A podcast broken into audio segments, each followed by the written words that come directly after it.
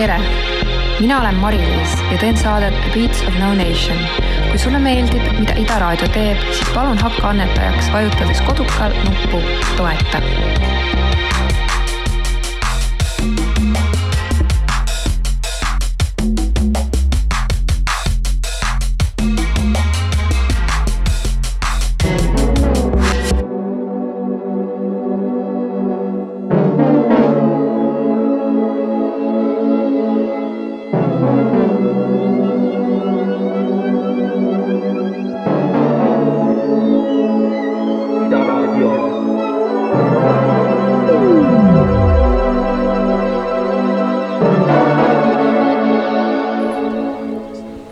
tere, kuulajad, eetris on noore kirjanduse ajakirja Värske Rõhk raadiosaade Rõhk. täna me räägime kahe tuhande kahekümnenda aasta kirjandusest. mina olen teie saatejuht Reio Roos ja külalisteks on meil Mari-Liis Müürsepp. tere! ja Ulla Kihva. tere!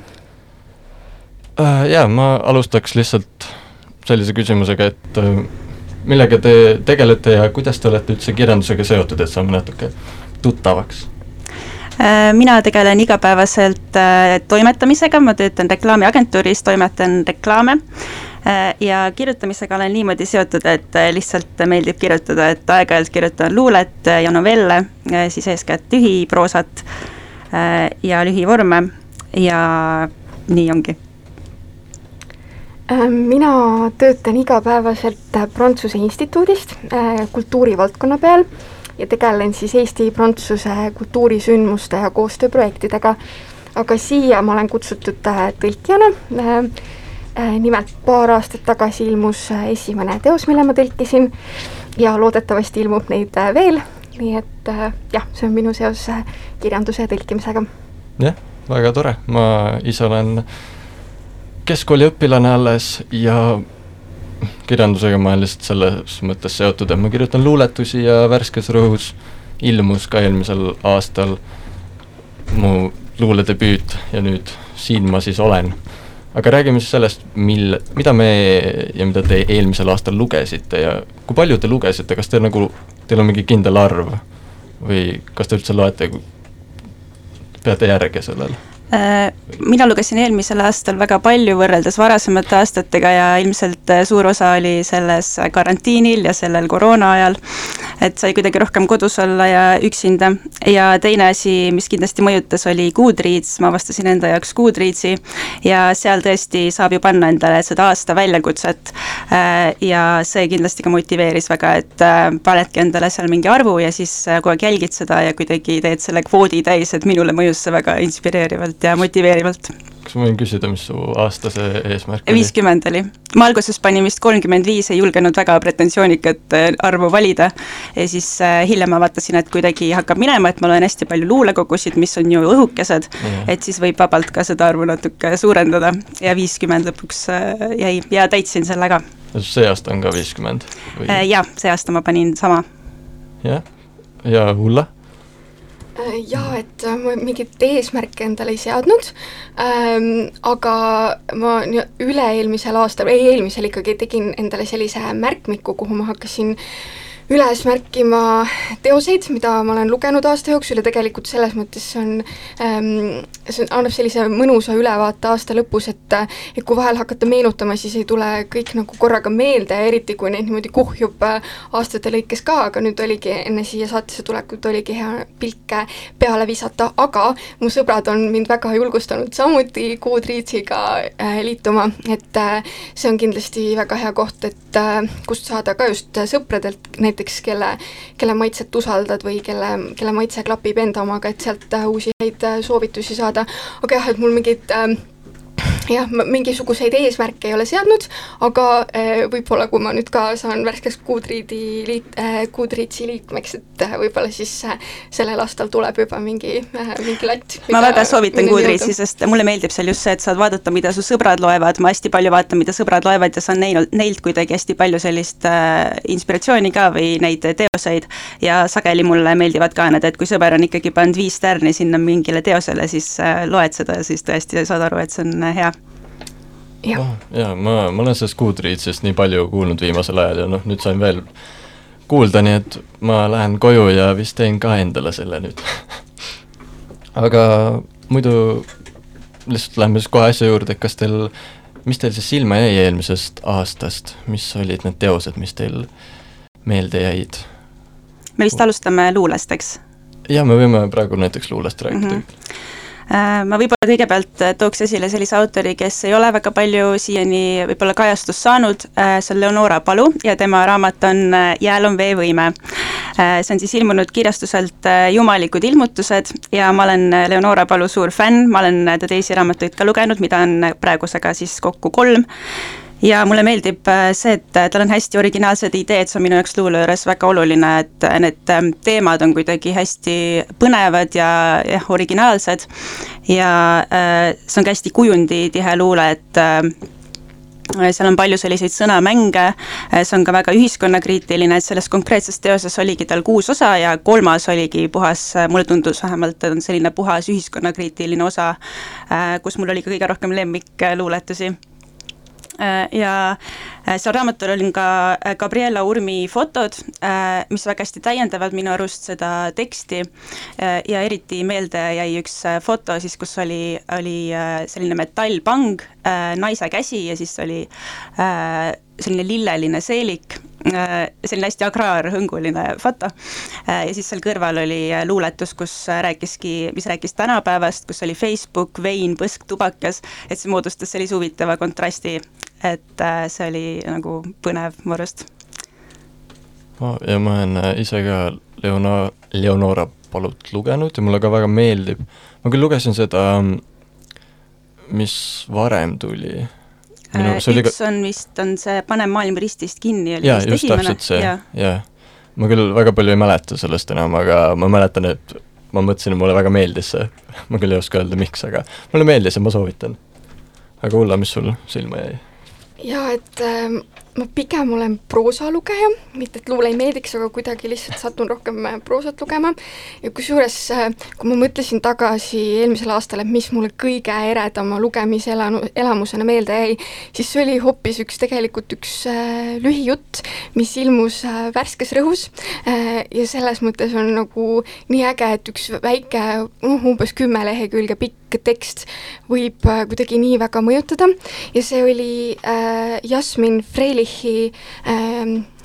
äh, lühilugu Rotko. Ähm, tema on siis äh, Sloveeni kirjanik ja eestindas selle Rauno Alliksaar, kellele ma tahaksingi öelda tänu esiteks äh, hea tõlke eest ja teiseks selle eest, et et ta sellise teksti oskas üles leida, sest et ma küll ei, ma ei kujuta ette, kust ma ise nii noh, ühe, ühe nii hea Sloveenia autori peale oleksin sattunud.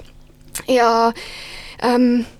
seal on raske midagi ette ära rääkida, sest et minu jaoks oligi kõige, kõige nojah, kõige rohkem mõjutas püant, mis seal oli ja noh, seda ei saa ju ette rääkida, aga, aga räägib armastusest meise, mehe ja naise vahel, nad lähevad äh, reisile ja on aru saada, et äh, midagi on väga-väga valesti, äh, mingisugune kohutav kiil, mure on nende vahel ja siis äh, lõpuks saab teada, et äh, milles asi on, nii et äh, soovitan soojalt seda lugeda ja vaatasin, et see on ka Värske Rõhu kodulehel üleval, nii et äh, jah, ja võib-olla, mis ma veel tooksin esile, kaks romaani Yoko Tawada Kahtlased kujud öises rongis, mille tõlkis jaapani keelest Lauri Kitsnik ja see ilmus äh, Loomingu raamatukogus. Ja äh, see oli selline mõnus, äh, mõnus natukene kergelt veider raamat, et et seal üks siis peategelane oli tantsukunstnik, kes sõitis mööda Euraasia mandrit ühelt etenduselt, ühelt festivalilt teisele ja ta reisis äh, siis ilmselgelt rongidega ringi ja öörongidega ja siis kõik need äh, kummalised kergelt veidrad kohtumised, mis seal ette tulid, et äh, need olid väga ägedalt kirjeldatud. Ja võib-olla üks asi, mis ähm, jah, et, et kui ma oma kirjandust, lugemist valin, siis ma viimasel ajal just üha rohkem pööran tähelepanu ka sellele, et et nii-öelda katta võib-olla võimalikult erinevaid maailma piirkondi riike ja autoreid, et et mitte nii-öelda võib-olla liialt ühe riigi kirjandusse kinni jääda. Ja, ja ja just, ja just võib-olla sel aastal lisaks sellele, et, et see niikuinii avardab silma, silmaringi, et siis võib-olla sel aastal oli just sellepärast ka oluline selles mõttes, et füüsiliselt ju ei saanud äh, reisida, et äh, mulle endale meeldib ka väga muidu võõrastes maades rongidega ringi loksuda ja ägedaid inimesi ja kohti avastada aga et siis seda, sel aastal sai seda tänu kirjandusele teha, et ähm, et võib-olla üks lisamõõde sellel juures. Ja võib-olla meil tuleb sellest veel natuke lähemalt juttu, aga ma mainin kohe ära, et üks äh, suur lugemiselamus mul oli ka Sergei Žadani Depeche Mode, tegu on siis Ukraina kirjanikuga ja tõlkis Riina Roasto Loomingu raamatukogus ilmunud. Ja äh, jah, et võib-olla eel, eelmisel aastal veel, mis kulus väga marjaks ära, oli selline mõnus huumor äh,, natuke sellist äh, vängust ja groteski ja üle võlli panemist, et et seal siis äh, tegelased toimetavad ringi üheksakümnendate alguse Ukrainas ja no tõesti, kõik nende tegemised on üle võlli ja mis iganes seiklustesse nad ei satu, et tegelikult taust on nagu väga kurb, et et nad tahavad ka, ihkavad paremat elu, aga, aga raske on sellest kuidagi peale äh, surutud ühiskonnast või sellest ühiskonnast, kuhu nad on sündinud, et sealt nagu välja murda, et äh, aga lihtsalt, et see on nii humoorikalt kirjutatud jällegi, nii muhedalt tõlgitud eesti keelde, et lihtsalt ma noh, naersin omaette, nii et me võime selle kohe ära rääkida, me enne Ullaga, või ma kirjutasin talle, et mulle ei meeldinud näiteks üldse see teos või no ma ei saa öelda, et üldse, aga lihtsalt pigem, pigem ei meeldinud ja ma tean, et seda on väga palju kiidetud ja see on väga head tagasisidet saanud, aga see lihtsalt äh, kuidagi ei kõnetanud mind ja ma ei saa aru, miks ja mulle lihtsalt, ma saan aru, et see on objektiivselt väga hea teos, et see on hästi kirjutatud, huvitava stiiliga, äh, et see on nagu humoorikas, aga lihtsalt äh, ma ei tea, ma ei tea, miks mulle, ma tahtsin, et mulle meeldiks, aga mul, ma ei suutnud sellega ühist keelt leida kuidagi. Okay.. äkki sa panid endal ootused liiga kõrgeks? võib-olla või... küll jah, sest tõesti hästi paljud sõbrad ka kiitsid seda ja, ja kirjandusinimesed ja ja sellepärast ma teda lugesin, ma lugesin ta lõpuni, aga läks äh, kohati päris raskelt, kahjuks. jaa, mul vahepeal tekkis küsimus, et kuna ma olen just selline, kes äh, praegu loeb põhimõtteliselt ainult eesti kirjandust hetkel ja heal juhul mingit, vahepeal võib-olla mingi Soome mingi teos kukub sinna vahele, aga muidu, kui ma tahaksin ka lugeda rohkem mingit väliskirjandust ja aga seda tundub olevat nagu nii palju, et kuidas, kuidas te valite seda või kust, äh, kust see tuleb? no minu jaoks eelmisel aastal tegi selle valiku osaliselt ära Loomingu raamatukogu, millega ma ka hakkasin rohkem äh, äh, kuidagi suhestuma või leidsin hästi palju häid huvitavaid teoseid enda jaoks just Loomingu raamatukogust, mida ma ei olnud ka varem nii intensiivselt lugenud. et äh, jah, selle järgi vaatasingi ma ei tea, kuidas sul? ja ma vastaks ka, et soovituste järgi, et üks, üks jah, võib-olla soovitaja võib olla mm, sõber või tuttav, kelle mm, keda, keda, keda ma tean, et kelle maitset ma usaldan, või isegi kui maitse ei pruugi alati klappida, siis on hu huvitav teada, et miks, miks talle just see raamat äh, meeldis äh,. aga samamoodi, nagu sa ütled, et äh, et soovitaja võib olla ka, ka kirjastus või noh, et kui sa tead, et kirjastus või mingi sari näiteks kirjastusel annab alati väga head, kvali-, head kraami välja, et siis kohe tekib huvi ja nagu usaldus äh, jätkata sellega. seda küll, no Loomingu Raamatukogu muidugi võib usaldada selles mõttes aga... Sa, oh, samamoodi näiteks ka ma lisaks siia, noh, kuna ma rohkem loen siis jah, tõlkekirjandust nagu välja tuleb, et mm, -hmm. et nagu tõ, konkreetsed tõlkijad ka, et keda ma tean, et et nad tõl-, esiteks nad muidugi tõlgivad väga hästi, aga ka seda, et need, need raamatud, mille nad on siis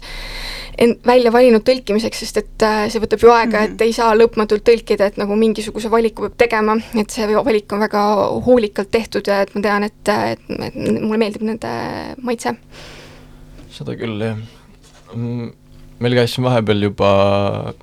äh, koroona käis siin vahepeal läbi, mis oli muidugi eelmisel aastal niivõrd suur asi ja sellepärast me siin oleme ka maskidega,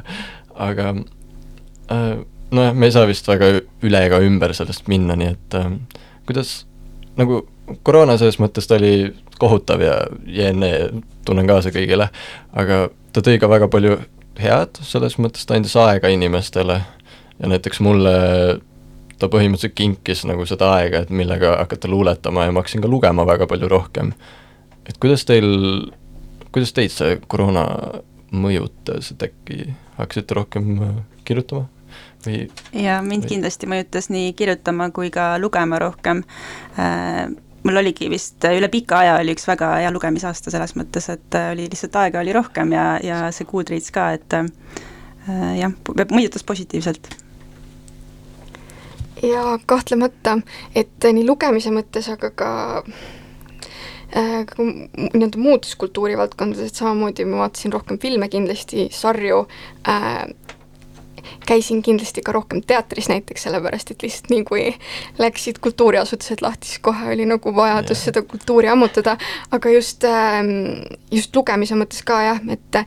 esimene aas-, esimene suvi üle pikkade-pikkade aastate, kui ma ei käinud kuskil välismaal, ma olingi Eestis ja nii mõnus oli kuskil rohu sees või liiva peal külitada ja siis lihtsalt mõnusalt lihtsalt lugeda, et kuhugi kiiret ei olnud. ja ma mäletan neid äh, isegi mingid suveõhtud olid sellised, et lihtsalt raamat oli nii põnev, et ma ei saanud nagu ära panna, et mingi reaalselt päiksetõusuni nagu lihtsalt lugesin, kuni läbi sain, et see oli jah, et need hetked võib-olla ka, milles lugeda, et äh, jäävad meelde äh, selle raamatuga seoses ja selles mõttes kindlasti sel aastal oli rohkem neid selliseid rahulikke hetki ja samamoodi talvel ka, et äh, just jõuluajal oli niisugune mõnus, et äh, ka kuidagi ei olnud üldse kiirustamist ja ma tõlkisin rõõmsalt ja rahulikult ja oli niisugune mõnus vaikne olla ma lisaks veel seda ka, et mulle mõjus hästi jalutamine, et kuna oli rohkem aega kodus olla ja jalutada lihtsalt, siis see mõjub ka kuidagi, annab hästi palju inspiratsiooni mulle tavaliselt ja kuna oli rohkem aega seda teha, siis see kindlasti ka mõjus hästi. ja jalutamine on, mul tuli meelde, meil oli just kuskil mais oli vaja kooliga seoses nagu, kuna sa ei saanud nagu kooli minna, siis sa, pidime tegema ise midagi ja siis ma käisin ka jalutamas just ja ja ma vist jalutasin mingi kuu aega, mingi nelisada kilomeetrit ja see on ikka, see on korralik meditatsioon, nii nagu on ka lugemine, mida ma palju rohkem tegin ja luuletamine ka, aga jah, ma, kui teil on veel mingeid teoseid, tahate ma näen, meil on lihtsalt igasugused raamatuvirnad siin, et peame neid ma läbi tahaks käima. tegelikult välja küll tuua, mul paljud raamatud, mis mulle meeldisid, olid Värske Rõhu, värske raamatu, värk-, värskelt raamatult siis. üks oli kindlasti Teele Lemberi Süstemaatiline unistaja, mis mul on ka kindlasti üks lemmikuid eelmisest aastast. väga, ma olen, tean Teelet kirjandusõhtult viimane neljapäev, kus me oleme koos esinemas käinud tihti. Ja hoopis teine asi oli neid tekste lugeda äh, raamatust, et äh, ikkagi, kui keegi esineb suuliselt, siis mingid huvitavad nüansid lähevad kaduma teinekord, aga raamatust on neid hea lugeda ja sellepärast mul oli väga hea meel, et selline teos äh, tuli. Äh, väga, mulle meeldis, et seal on väga palju sellist kehalist äh, kirjeldust, mis äh, mulle endale ka meeldib äh, oma loomingus panna ja väga selline mm, võimestav teos, eriti naistele ilmselt ja äh, mulle väga tundub, et see stiil on hästi sarnane sellega, mida ma ise ka teen, et võib-olla ma meelitan ennast selle mõttega, aga, aga äh, ma tundsin igatahes väga paljudes kohtades ära ennast, et tekitas selliseid samastumishetki palju. ja äh, jah, see keha, kehade kirjeldamine mulle alati meeldib loomingus ja selle teose puhul oli hästi värskendav see, et kui me oleme kirjanduses harjunud, et äh, naiste kehad saavad väga suure tähelepanu osaliseks, siis äh, siin teoses oli kirjeldatud väga tabavalt ka meeste kehasid ja selliseid äh, kehalisi võlusid. et äh, minu jaoks oli jah värskendav, et äh, kui seda naiste kehade kirjeldamist võib-olla ei õnnestu niipea lähima paarikümne aasta jooksul kirjandusest välja juurida, siis miks mitte pakkuda vastukaaluks sellist meeste kehade kirjandust. et äh, jah, lihtsalt mõte ja ma selles mõttes, ma nõustun väga need ähm, mis see on, värske raamat on see mm, -hmm. jah, sealt tuli ikka väga palju häid teoseid eelmine aasta või see Teele Lemberi oma on üks muidugi, mida me näiteks Joosep Vesselovi linnalaul ka. täpselt selle ma tahtsingi välja tuua, mis Joosep Vesselov, kes siis, see linnalaul oli ka nomineeritud Betty Alveri mm -hmm. sellele ja Teele raamat oli ka. aa ah, jaa, oli jah, vot, kaks tükki kohe. ja kahju nad ei võitnud küll, aga mm -hmm. See mulle just Joosepi linnalaul kuidagi väga meeldis, et ta oli, see rääkis siis Tartust ja nendest, ta põhimõtteliselt tegi Tartu legende, kirjutas ja siis pani ka ennast sinna sisse kuidagi. Ja see oli minu arust, mulle nii meeldis, kuidas ta oli selle üles ehitanud ja et see, seal oli mingi kindel temaatika ja see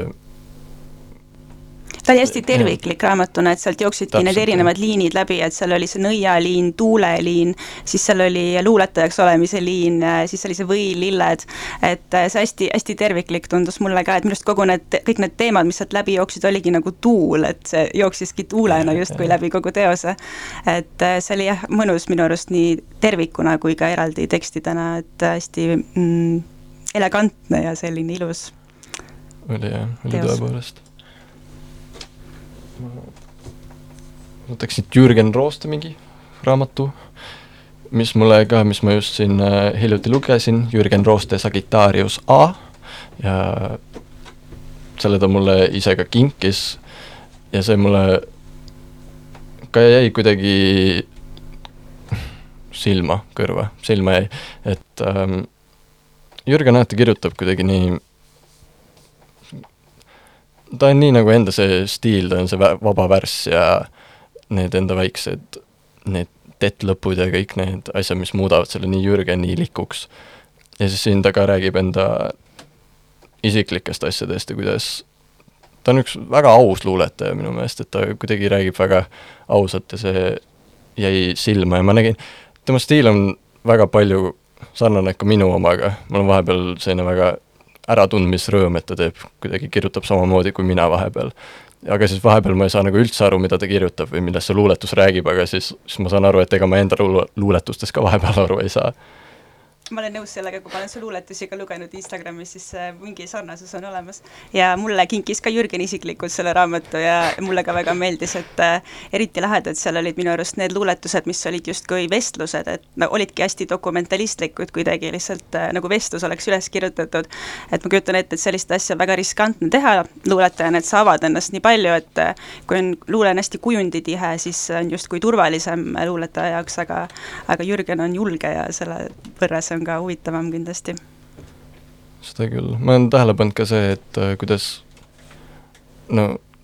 kogu luule kuidagi liigub rohkem selle vaba värsi poole ja selle jutustava poole, et veel paarkümmend aastat tagasi, või noh, ega ma mingi luuleekspert ei ole, aga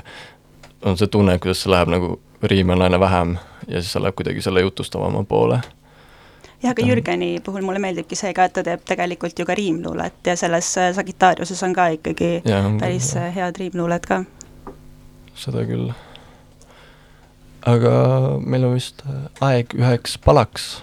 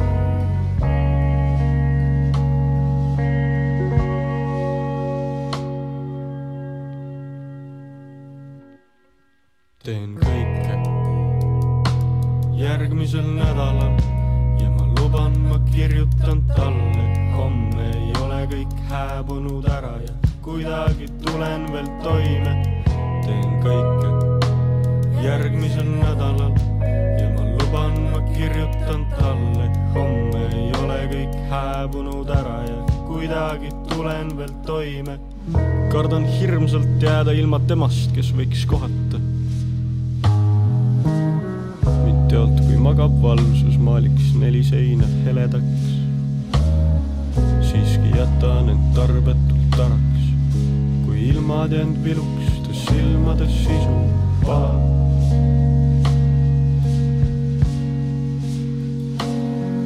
lükkan ukse kinni viimaks ning kui miski koidab korraga. ei pane imeks ega kahjuks õigel hetkel tereta.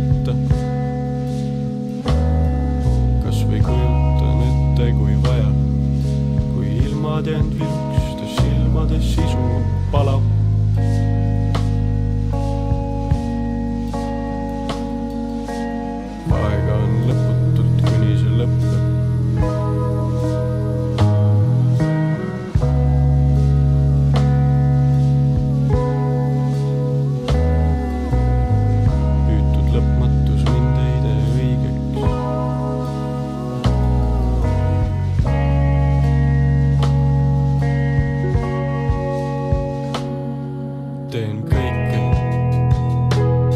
Järgmisel nädalal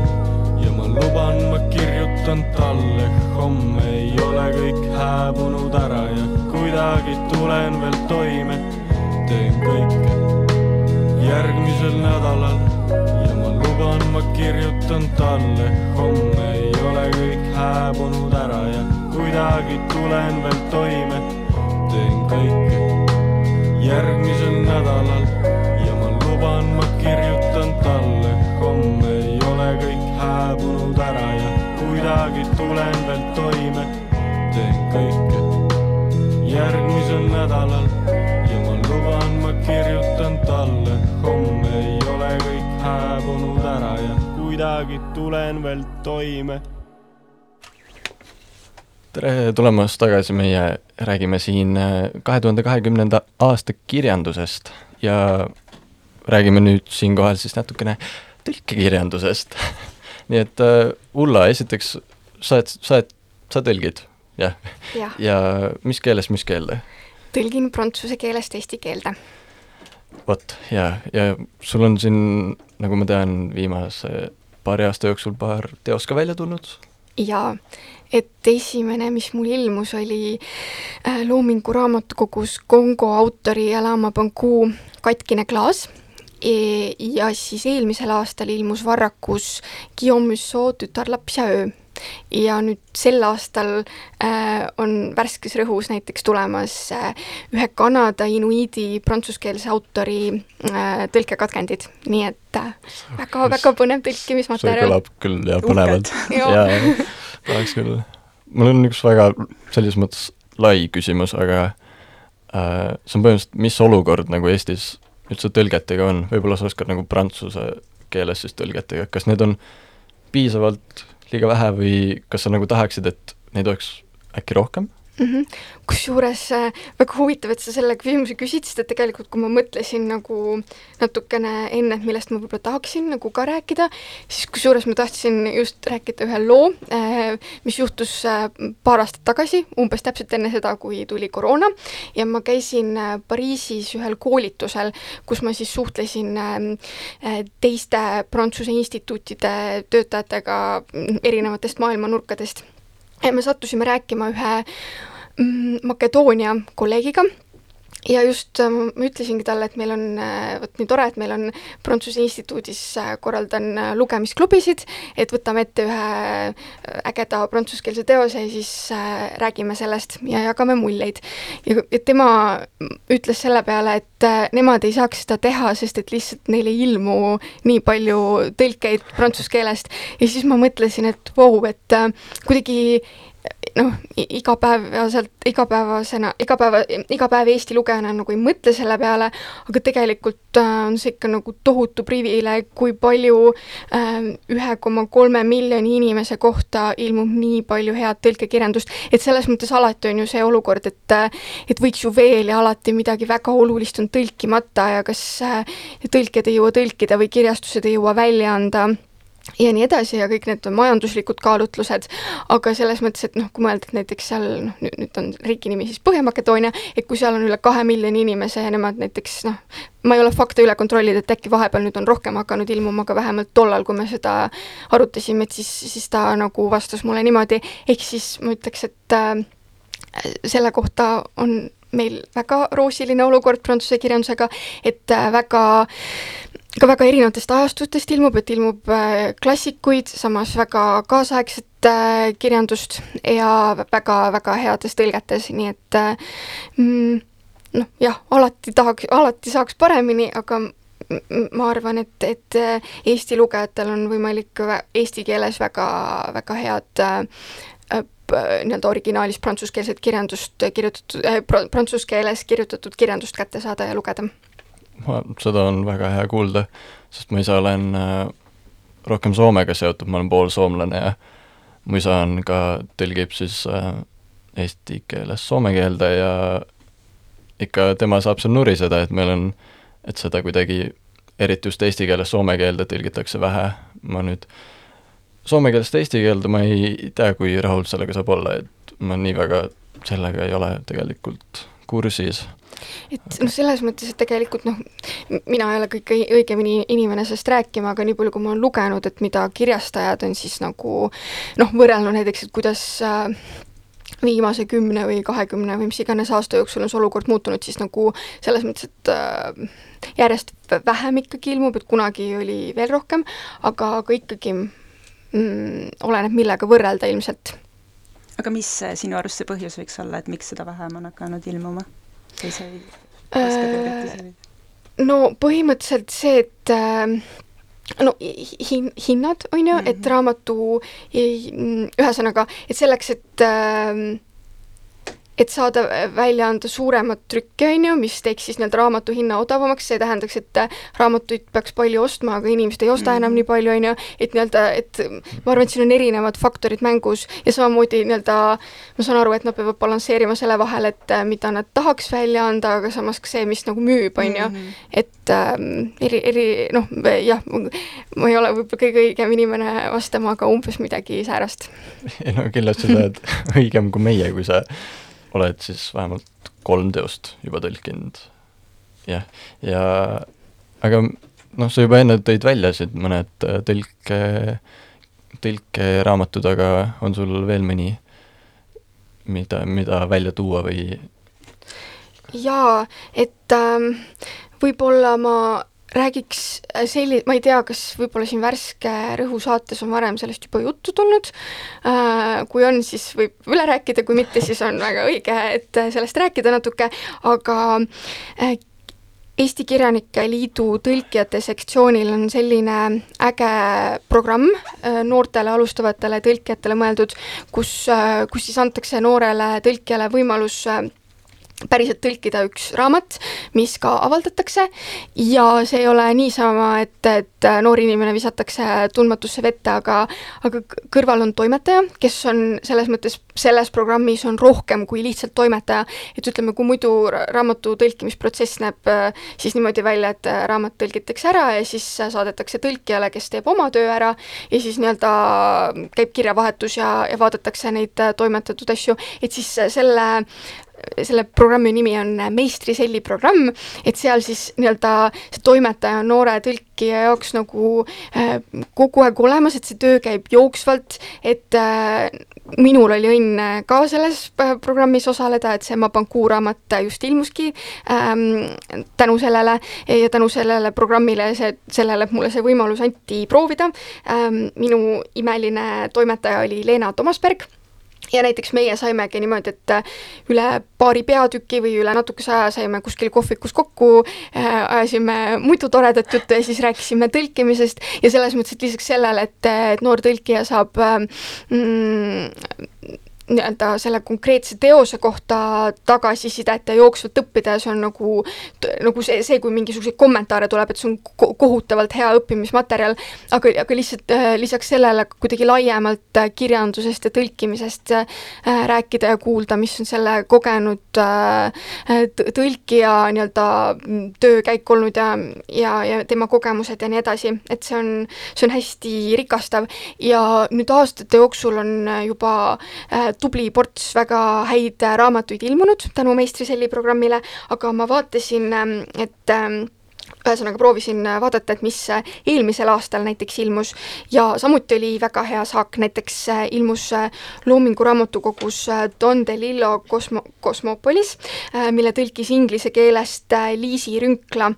Ähm, Eesti raamatus ilmus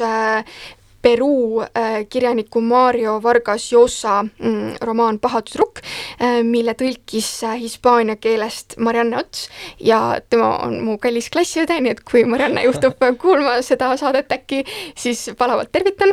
Ähm, samuti ilmus äh, Loomingu raamatukogus äh, Margaret Atwoodi Tehingud äh, surnutega,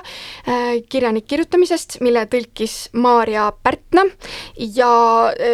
nüüd tegelikult küll selle aasta alguses, aga ilmus, aga ma pigistan silma kinni ja panen selle kahe tuhande nii-öelda kahekümnenda aasta saagi juurde, ilmus Varrakus Sally Rooney Normaalsed inimesed, mille tõlkis inglise keelest Reti-Maria Vahtrik, kes on veel üks minu kallis klassiõde, nii et talle ka palju tervitusi et ühesõnaga ähm, ma arvan, et mis on hullult äge, ongi see, et ähm, et kuidagi mõeldakse võib-olla tõlkekirjanduse tuleviku peale ja antakse noortele võimalus päriselt proovida ja nii-öelda kasvatatakse seda äh, tulevast tõlkijate põlvkonda peale, et see on see, uus. siin on hea võimalus öelda, et see Tehingud surnutega oli ka üks mu lemmikuid eelmisest aastast, et no, äh, ja mulle väga meeldis see eriti alguse äh, esimene pool sellest raamatust, et oli väga äh, huvitav ja väga tekitas selliseid äratundmishetki ja mulle meeldis, et ta kirjutas sellest, et kuidas näiteks tavainimesed suhtuvad kirjanikesse või üldse loominimestesse ja tekitas jah, niisuguseid põnevaid äh, mõtteid. ma see on jälle väga hea kuulda, et Eestis on see olukord, et niimoodi noori utsitatakse tõlkima, aga ma nüüd ei saanud aru, kas see oli siis, ma just nägin, et äh, Kirjanike Liidul on äh, see mhm. noortele mõeldud gümnaasiumiõpilastele see väike tõlk mis ta nüüd on, konkurss? jaa, aga, aga see, see ei ole vist gümna-, kas see ei ole mitte alla kolmekümneaastastele? jaa, ka alla kolmekümneaastastele ah, okay. noortele nii et jaa, et see on natuke selles kuidagi samas joones, et mm -hmm. nad korraldavad seda tõlkevõistlust. aga iga... need on erinevad asjad ikka? jaa okay,, et seal okay. on nagu iga, igal aastal on erinevad keeled valikus äh,, siis lisaks on noortele tõlkijatele mõeldud suvelaager, et tihtipeale sinna on, ma saan aru, vist kutsutud need, kes on näiteks just seal äh, vahetult osalenud konkursil ja kuidagi näidanud huvi üles tõlkima, rääkimise vastu ja siis äh, mingi osa noortest tõlkijatest saab võimaluse ka selles äh, meistriselli programmis osaleda. ma ühel aastal osalesin seal tõlkevõistlusel ja minu arust see tagasiside oli tõesti ülitänuväärne, sest äh, ma, need kommentaarid, mis ma tagasi sain, ma lugesin neid pool päeva lihtsalt kas või neid parandusi ja kommentaare, see oli ikka jõhker töö oli lihtsalt tehtud juba selle toimetamisega mm. -hmm. et see oli väga kasulik et kes äh, tunneb tõlkimise vastu huvi, siis kindlasti proovige, et äh, ma nüüd ei oska öelda, millal need tähtajad on, aga vaadake Kirjanike Liidu kodulehelt, et siis saate tõlkevõistlusest äh, proovida osa võtta. ma just olen, ma nägin eelmine aasta seda ja nüüd ma nägin see aasta seda ja ma nii lähedal olin, et ma hakkasin seda tegema, aga nüüd, kui te räägite sellest, nüüd ma tahan minna ja just see, noh, ma oskan ainult vist nüüd inglise keeles tõlkida, ma Hiinat väga ei oska, aga aga seal oli vist mingi aasta oli äkki Soome ka või, või see ei olnud vist? Äh, see aasta ma ei mäletagi, minu arust jah, Hiina, vist Hiina äkki oli Prantsuse? Prantsuse on sel aastal, Inglise vist on iga aasta olnud. In, yeah, ja Portugali on sel aastal ka. Mm.. Uh, nii et väga põnev, aga nad iga aasta minu meelest varieerivad, et äh, inglise keel on nagu samaks jäänud, aga siis erinevatest põnevatest keeltest on võimalik äh, tõlkida. jaa, seda küll jah, ainuke, mul on lihtsalt siin üles kirjutatud, et ainuke võib-olla mitte ainuke, lihtsalt see ainuke, mis mul meelde tuli, oli äh, tõlkekirjanduses, mida ma lugesin, oli, see nüüd vist tuli ikkagi eelmise aasta lõpus välja äh,, Lawrence Furlingeri see Meele lunapark, mille on siis tõlkinud Peeter Sauter ja mis on siis luulekogu ja see Lawrence kirjutab väga mulle jäi silma jäi just tema stiil, kuidas ta, ta kirjutas kuidagi kahte erinevat luuletust samal ajal, selline tunne oli, et äh, see on kindlasti hästi, hästi selline müstiline oli ja ka ühiskonnakriitiline. et see oli kunagi Lawrence'i, see vist tuli tuhande üheksasaja viiekümnendatel esimest korda välja ja seda on müüdud mingi miljon tükki ja nüüd see siis tuli kirjastuse Hingesalv, kui ma ei eksi, nende alt välja. et seda ma soovitan. Aga nüüd meil on jälle aeg üks muusikapala panna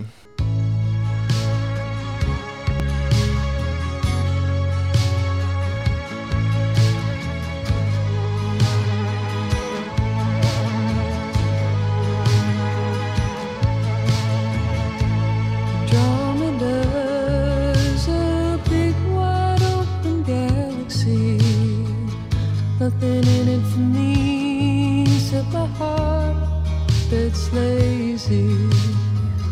Running for my own life now. I'm really turning some time. Looking up to the sky for something I may never.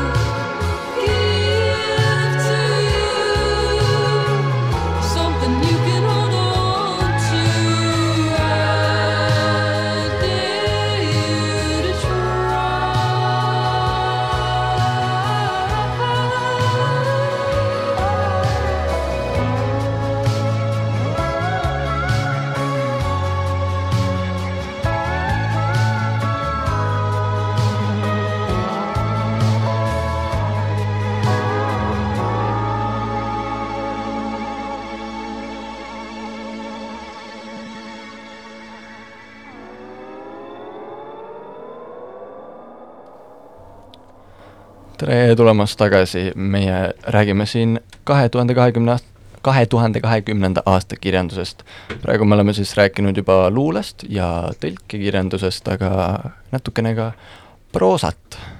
mis teil, mis teil seal nimekirjas on proosa koha peal? Mina olen väga suur novellide fänn, äh, sest ma kirjutan neid ka ise ja äh, minu lemmikproosateosed on kõik novellikogud Eesti autoritelt. Üks kindlaid lemmikuid oli Armin Kõomäe Perifeeria kangelased, kuna seal oli väga palju absurdi, musta huumorit, irooniat, natuke ka rõvedust ja groteski, mis mulle väga meeldib. Et see oli minu jaoks täiuslik kogu selles mõttes. Need novellid olid ka hästi lühikesed või sellise mõnusa pikkusega, mõttega, et igaühele, ma arvan, seeditavad.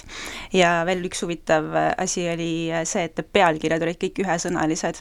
äh, mis minu jaoks on väga hea nipp, et äh, kui lugeja hakkab mingit äh, lugu lugema ja selle pealkiri ongi näiteks ainult süda või jääkaru või perepuhkus, siis sul pole õrna aimugi, mis seal saama hakkab. et sa pead lihtsalt riskima hakkama seda lugema ja siis vaatad, mis saab.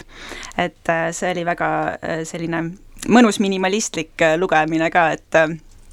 kas või kui neid pealkirju vaadata sisu korras, siis see oli kuidagi hästi puhas ja selline kena nägi välja. Äh, ja mulle meeldis veel Ave Taaveti Valeraha tegija, mis ilmus ka siis värske raamatu äh, alt ja see oli jällegi selline teos, kus äh, oli maagilist realismi rohkem kui näiteks Kõome teoses, kus kõik see absurd algas justkui tavalistest olukordadest, et mis siis nagu läksid kuidagi liiale ja siis tekkis see absurd sinna, aga, aga äh, Taavetil äh, on pigem mingisugused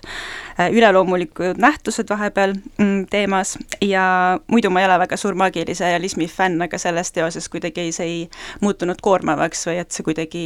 oli selline mm, parajalt doseeritud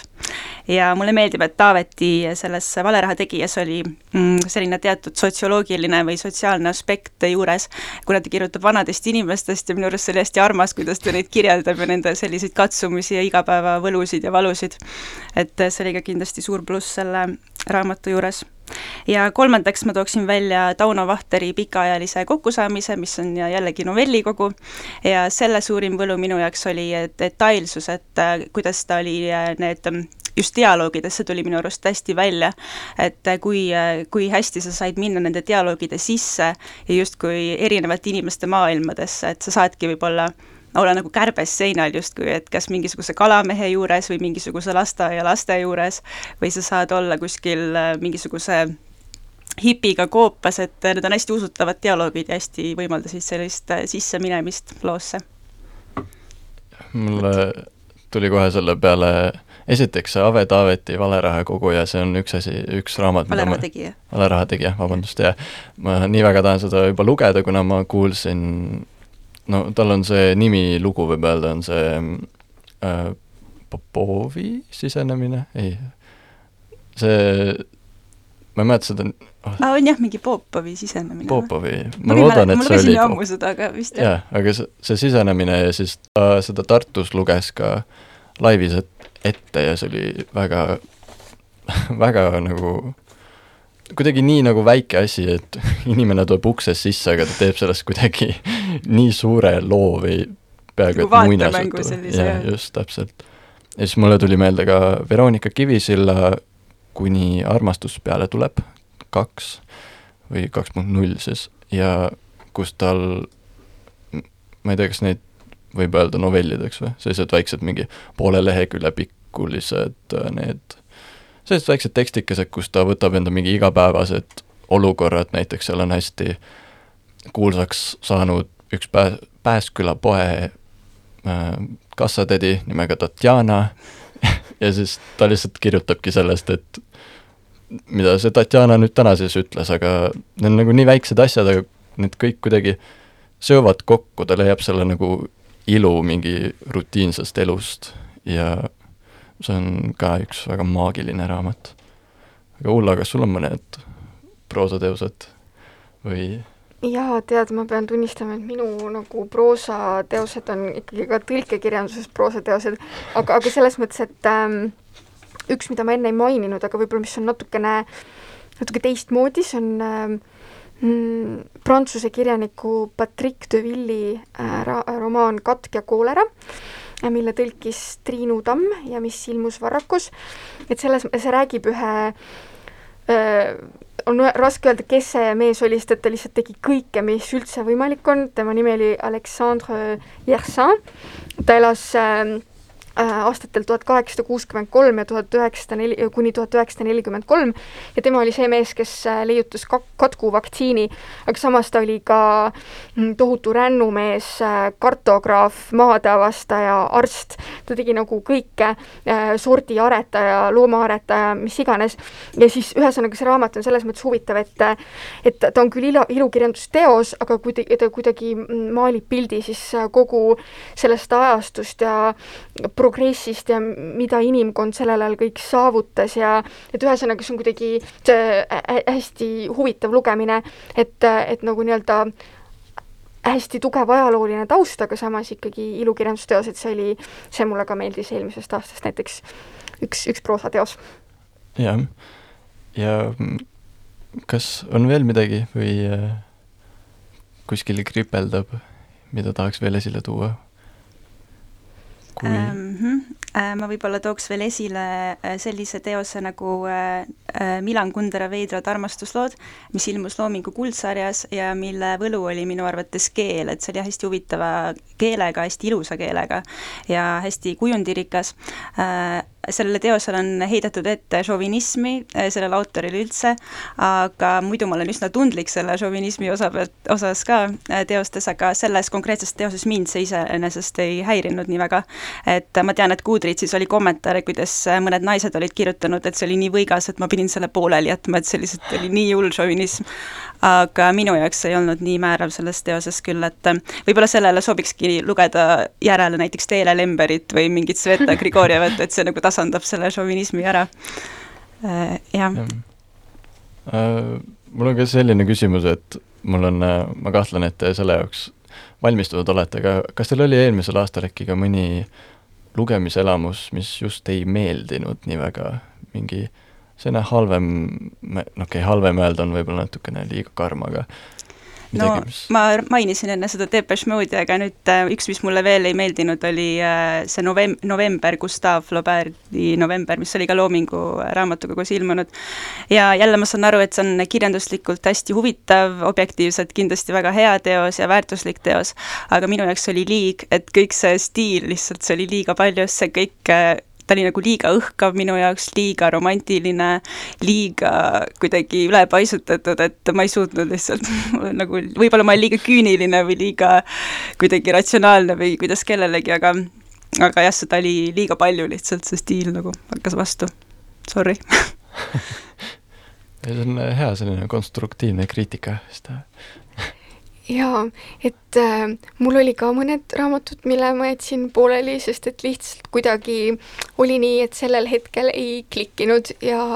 ja aga ma, see ei tähenda, et ma uut võimalust ei annaks neile.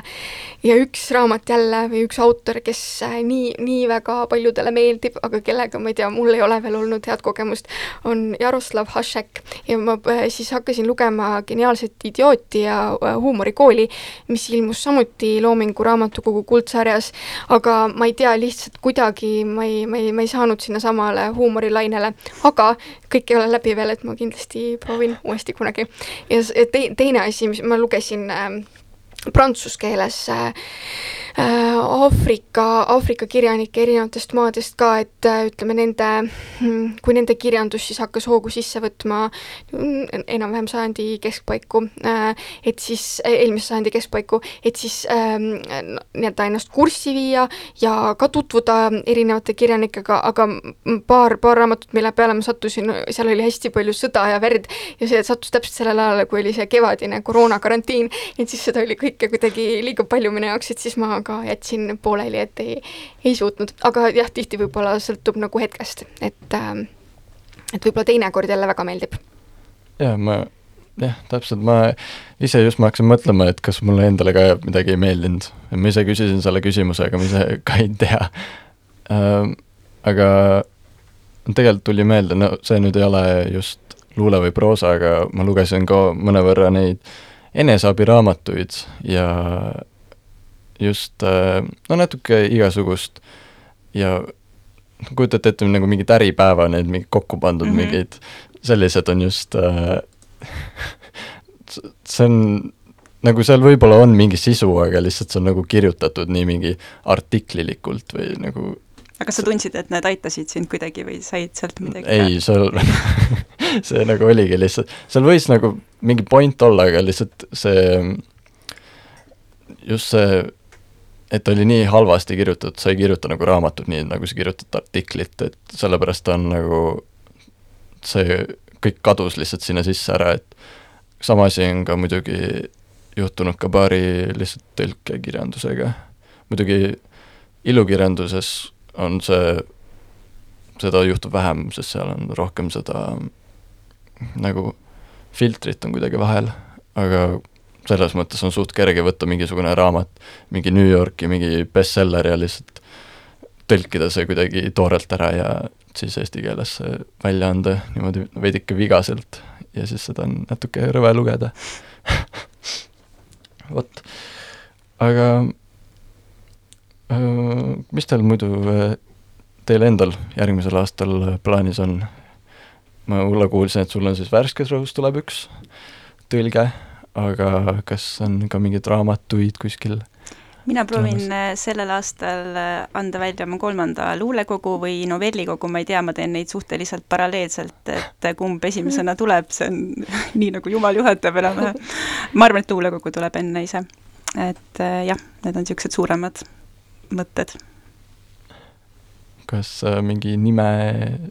nimi on näiteks? see nimi on nii töö pealkiri, et ma parem ei hakka ütlema seda praegu. okei, okei. ja Ulla, kas sul on peale selle tõlke ka midagi teoksil? tegelikult on veel üks tõlge ootel, et see tõlge on juba tükk aega valmis, aga nüüd see ootab äh, et see natuke toimetamisring saaks peale ja ühesõnaga kõik see võtab veidi aega, et ilmumiseni asi jõuaks. aga ma loodan, et sel aastal see ilmub ka, et me tõlkisime kolme peale Maria Esko ja Marilyn Vasseniniga ühe prantsuse kirjaniku, kelle nimi on Anna Cavalda jutukogu, et äh, kui kõik hästi läheb, siis loodetavasti peagi ilmub see ka. väga põnev, mul endal on, tuleb ka eelmisel aastal tuli siis mu esimene, mitte küll minu raamat, see on minu koostatud Sinisild. väga hea raamat aitäh, aitäh ja, ja nüüd ma pean hakkama siis enda luulekogu vaikselt kokku klopsima. paljud arvasid, et see Sinisild oli nagu minu luuletustega raamat ja siis nad ostsid selle sellepärast ja siis nad avastasid, et seal ei olegi minu luuletusi. Ja noh, vabandust kõik, kes pidid pettuma selle pärast aga see aasta tuleb loodetavasti ka minu luulekogu välja, tõesti loodan, et see tuleb. põnev. jah, aga meil hakkab vaikselt aeg otsa saama, ma siia lõpus veel küsiks ka, kuigi me oleme väga palju igasugu raamatuid läbi käinud, et mingi kindel üks raamatusoovitus veel siia? Ma tegelikult mõtlesin ühte ei, ma ikkagi soovitan seda, see on Jean-Claude Moulevard, prantsuse keel väga roostes, aga novellikogu Silhouett, mis tegelikult ilmus juba aastal kaks tuhat viisteist ja mis on üks minu lemmikuid raamatuid üldse, et need on hästi originaalsed ideedega novellid seal jälle. ja just need nagu lihtsalt ülipalju üllatusi pakub ja väga huvitav teos ma annan natuke laiema soovituse, see ei ole konkreetselt ühe raamatu soovitus, aga ma äh, soovitaks, et tulge kõik Prantsuse Instituudi lugemisklubisse, et need toimuvad äh, iga üle paari kuu ja iga kord on siis teemaks üks, üks välja valitud raamat. nüüd veebruari lõpus on siis Huysmansi Äraspidi, mis on Prantsuse dekadentsi peateos ja mis on näiteks vahetult mõjutanud Dorian Gray portreed ja siis juba ma võin öelda ka seda, et näiteks märtsi lõpus, kui on frankofoonia kuu, ehk siis prantsuse keele kuu, siis on nii-öelda laiemalt prantsuskeelsed autorid fookuses ja me räägime tegelikult Vietnami päritolu